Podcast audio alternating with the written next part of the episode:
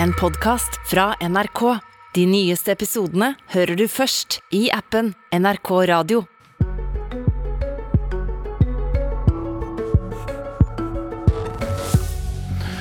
Ap-ordførere mener han knabber pengene deres.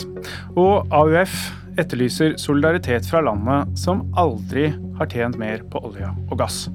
Han varslet bråk, og ser ut til å ha fått rett. Statsminister Jonas Gahr Støre, velkommen. Tusen takk. I går så var du i Praha og møtte statsledere fra andre eh, europeiske land, særlig, um, om økonomi og energikrise og krig. Uh, spesielt om økonomi og den krisen vi står i. Hva, hva er det dine kolleger sa til deg der om hvordan de så på verden? 44 land. Eh, det er vel Belarus og Russland som ikke var der, ellers er det resten fra Europa. Eh, to ting. Det ene er veldig samlet støtte til Ukraina fortsatt. Men den økonomiske situasjonen er veldig alvorlig i mange europeiske land. Disse høye energiprisene eh, tærer hardt på, og særlig for de landene som ikke har mye økonomi å stå imot. Og EU-landene særlig strever veldig med å finne et felles svar på det. Hva gjør man når man har en reell knapphet på en ressurs, nemlig gass? Det er ikke et enkelt politisk grep som opphever det. Og disse prisene er høye, og det er veldig ustabilt. Og internt i Europa er det slik at man også på en måte byr mot hverandre, og det driver også prisene opp. Og etter hvert så er det en del land som har store økonomiske problemer med det. Og husholdninger, familier som får høye kostnader som følge av inflasjon osv., og, så videre, og som ikke har sånne strømstøtteordninger som vi har i Norge. Det er politisk svært krevende. Det kunne du klart føle i møte med kolleger. Hvis pilene ser ut til å peke ganske kraftig nedover i Europa, blant våre handelspartnere, eh, hva tror du skjer her da? Det er jo en av de grunnene til at dette er noe som Norge absolutt ikke er tjent med. En sånn høy og ustabil eh, pris på gass og energi i Europa. Det treffer jo strømprisen hos oss, som driver dem opp, som er en utfordring i Norge. Det rammer industrien i Europa, som jo er de eh, norske bedrifter veldig mye handler med. Eh, og for det tredje så skaper det sosial uro hos våre allierte, og det er jo heller ikke en god, god sak. Men, men, i det statsbudsjettet, forslaget til statsbudsjett som du eller regjeringen la frem i går, så forutsetter jo dere at det skal gå kjempebra i Norge. Ledigheten skal holde seg rekordlav neste år, og egentlig framover også. Og det er noe av den samme begrunnelsen dere bruker for nettopp å skulle ha et stramt budsjett, kutte i kostnadene. Holder dette vann, egentlig? Altså, det vi skriver i vårt budsjett, det er jo at vi lever i en svært usikker tid. Slik at alle sånne prognoser og spådommer er heftet med mer usikkerhet nå enn det ville være i andre år. To eh, grunner til det. Vi kommer ut av en pandemi eh, hvor økonomien har tatt seg kraftig opp i de fleste landene. Det har ført til stor inflasjon. Det er en stor utfordring. Og så får du en krig på tampen av det. Slik at det bare å styre en stor inflasjon ned mot et normalt prisnivå er utfordrende i seg selv. Men når du får krig som fører til en stor mangelvare på energi, så kompliserer det bildet. Våre tall er jo basert på de beste anslagene som Finansdepartementets prognoser og eksperter gir oss som grunnlaget de ligger jo i strøket med de andre prognosemiljøene i eh, Norge.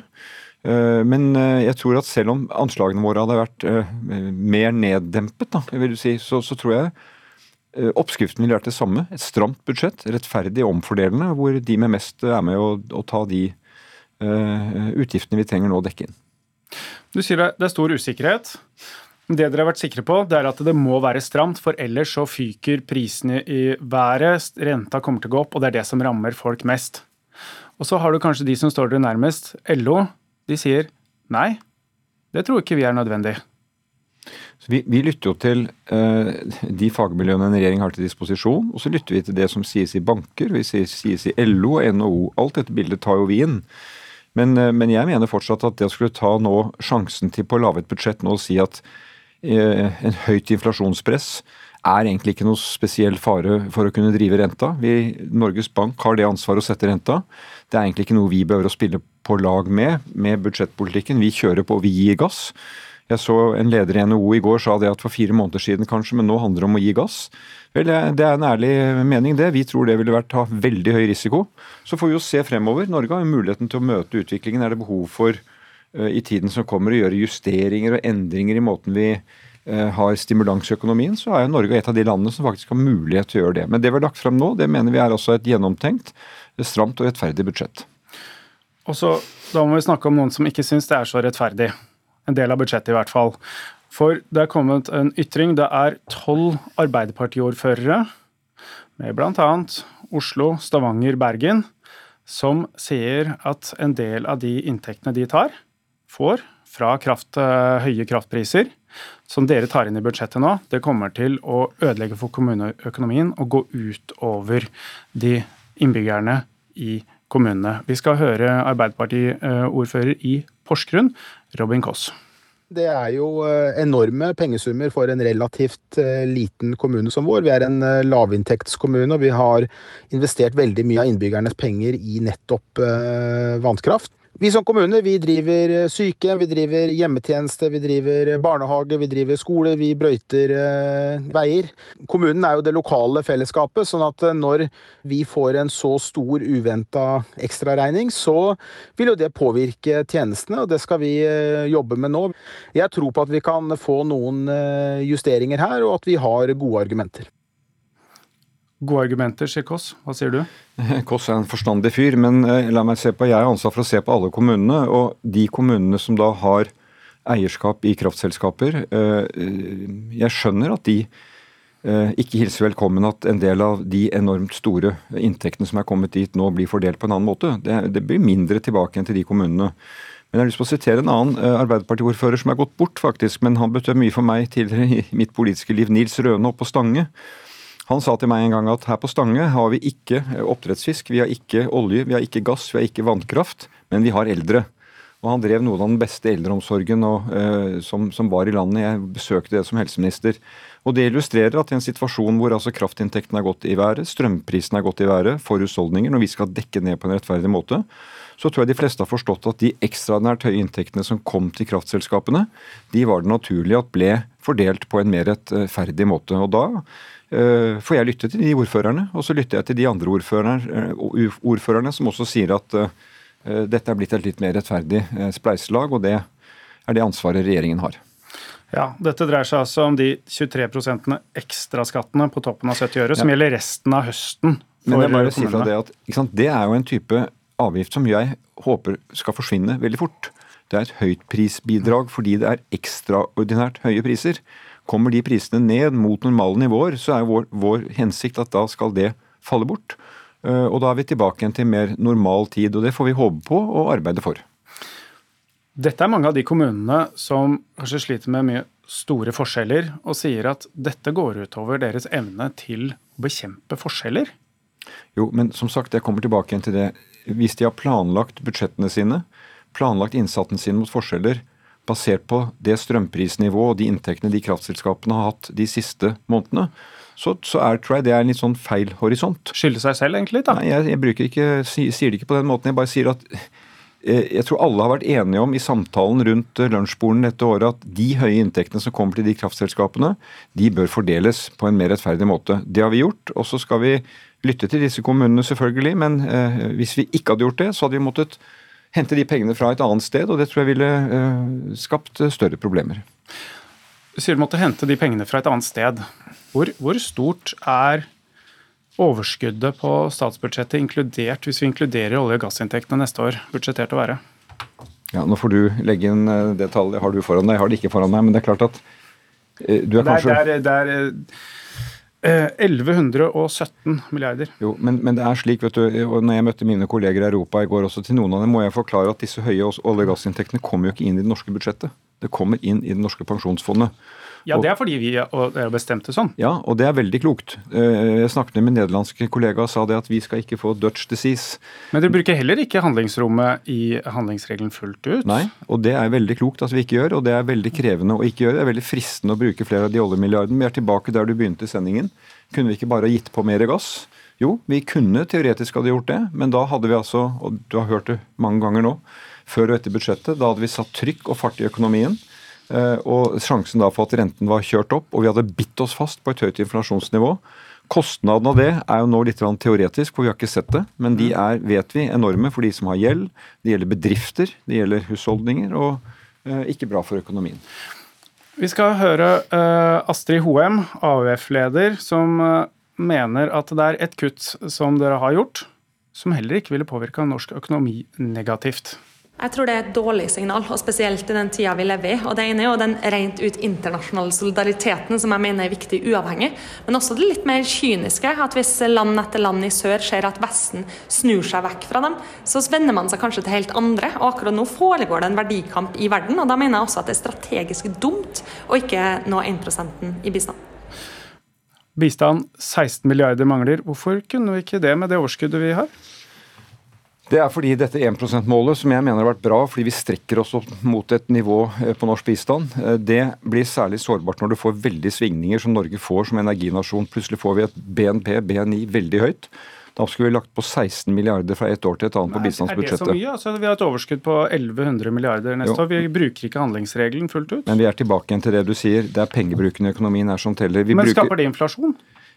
Du må være nødt til å regne en krone for en krone i et budsjett, prioritere formål opp mot hverandre. Det vi gjør i dette budsjettet, er å si at bistand som går til land i utvikling, videreføres på dagens nivå, inflasjonsjusteres er akkurat på samme nivå. Der er det ingen kutt. Men hvis vi skulle lagt på 16 milliarder nå, og så kan vi få et energifall neste år som tar BNI ned, så skulle vi da kutte for å komme ned. I den tilfellet så er 1 %-målet. Noen ganger så funker det dårlig. Så det du gjør nå, at vi kan opprettholde den bistanden. Eh, eh, det blir ikke kutt i bistand til eh, utvikling. Vi holder på et nivå som veldig få land er på det nivået i prosent. Og kommer vi til mer normale tider, så vil det være mer normalt å si at vi ligger tett på 1 da får vi håpe på mer normale tider etter hvert. Statsminister Jonas Gahr Støre, tusen takk for at du kom til oss.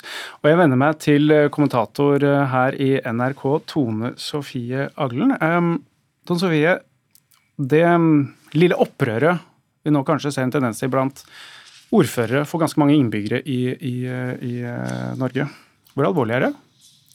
Nei, Det er vanskelig å svare på. Jeg tror kanskje uh, at Eh, det er vanskelig å kommunisere. For det er ganske stor enighet om at eh, det store overskuddet hos kraftselskapene på en eller annen måte skal komme fellesskapet til gode. Men så er det to innvendinger her. Det ene som vi hører fra Ap-ordførerne, at Eh, de opplever en overføring fra kommune til eh, stat. Og det andre handler om at eh, det kan frata kraftselskapene mulighet til å gjøre nødvendige investeringer i, i, i, vannkraft og i fornybar energi, som kan slå beina under det grønne skiftet. Og det er jo selvfølgelig problematisk for særlig Arbeiderpartiet. Hvilket gjennomslag tror du de kan få? De håper jo åpenbart, når vi hører Robin Koss her, så håper de å få gjennomslag i en budsjettbehandling. Ja, jeg tror nok at eh, regjeringa er villig til å se på innretninga, om det kanskje kan ha gått eh, litt fort i svingene at man ikke har overskua alle konsekvensene av eh, det forslaget. Men jeg tror nok det er en opplevelse blant en del av ordførerne i de store byene at, at de kanskje får noe lite drahjelp av sin regjering. Og så vet vi at Hvis vi ser litt fram nå, så, så det kommer et kommunevalg her borte. Da Arbeiderpartiet skulle inn i regjeringskontorene, så var det viktig å vinne byene. Høyre sier nå er det viktig å vinne byene. Hvordan spiller dette? Nei, Det spiller nok eh, litt i, i, samme retning, men så tror jeg det regjeringa har lyktes ganske godt med de siste ukene, det er å dempe forventningene blant deres egne lokalpolitikere. Man har jo nærmest fremstilt dette budsjettet som et slags eh, ragnarok. Jeg tror mange pusta letta ut over at det ikke var eh, så ille. Så tror jeg nok kanskje særlig begynner man vil peke på litt sånn enkeltposter i budsjettet, f.eks. gratis ferge, Stad skipstunnel, som litt sånn eksempler på at den krisa kanskje ikke er så stor. Og så er dette en kritikk, men Hovedkritikken mot budsjettet har jo kommet fra næringsliv fra høyresida, som har vært ganske høylytt. Er det en kritikk som regjeringa står ganske bekvemt i? Jeg tror i hvert fall at Støre heller vil ha kjeft av milliardærer enn av eh, LO. Og hvis vi husker budsjettet for ett år siden, så var det jo særlig fra venstresida og fra LO kritikken kom at man ikke gjorde noen ting med det de kaller usosiale kutt. I dag så ser vi at Eh, budsjettet hylles av Klassekampen for å være det mest utjevnende i, i moderne tid, mens kritikken i veldig stor grad kom fra privat næringsliv og fra, uh, fra høyresida. Og det gir kanskje en litt sånn ny dynamikk som uh, kan være bra for Arbeiderpartiet. Men for å gjøre det litt sånn malurt i begeret, så ser vi også at LO er litt delt. Der Fagforbundet er fornøyd med at man verner offentlig sektor, så er Fellesforbundet, som organiserer industrien, mer betenkt over skatten. og det er også litt sånn eh, dristig for Arbeiderpartiet å framstå som de ikke helt forstår næringslivet. Så en vinneroppskrift, kanskje? Ja, det i hvert fall vil gi en eh, ny dynamikk som blir veldig interessant å følge med på. Tusen takk, eh, Tone Sofie. Vi får se hvor det går videre. Mitt navn er Trond Lydersen.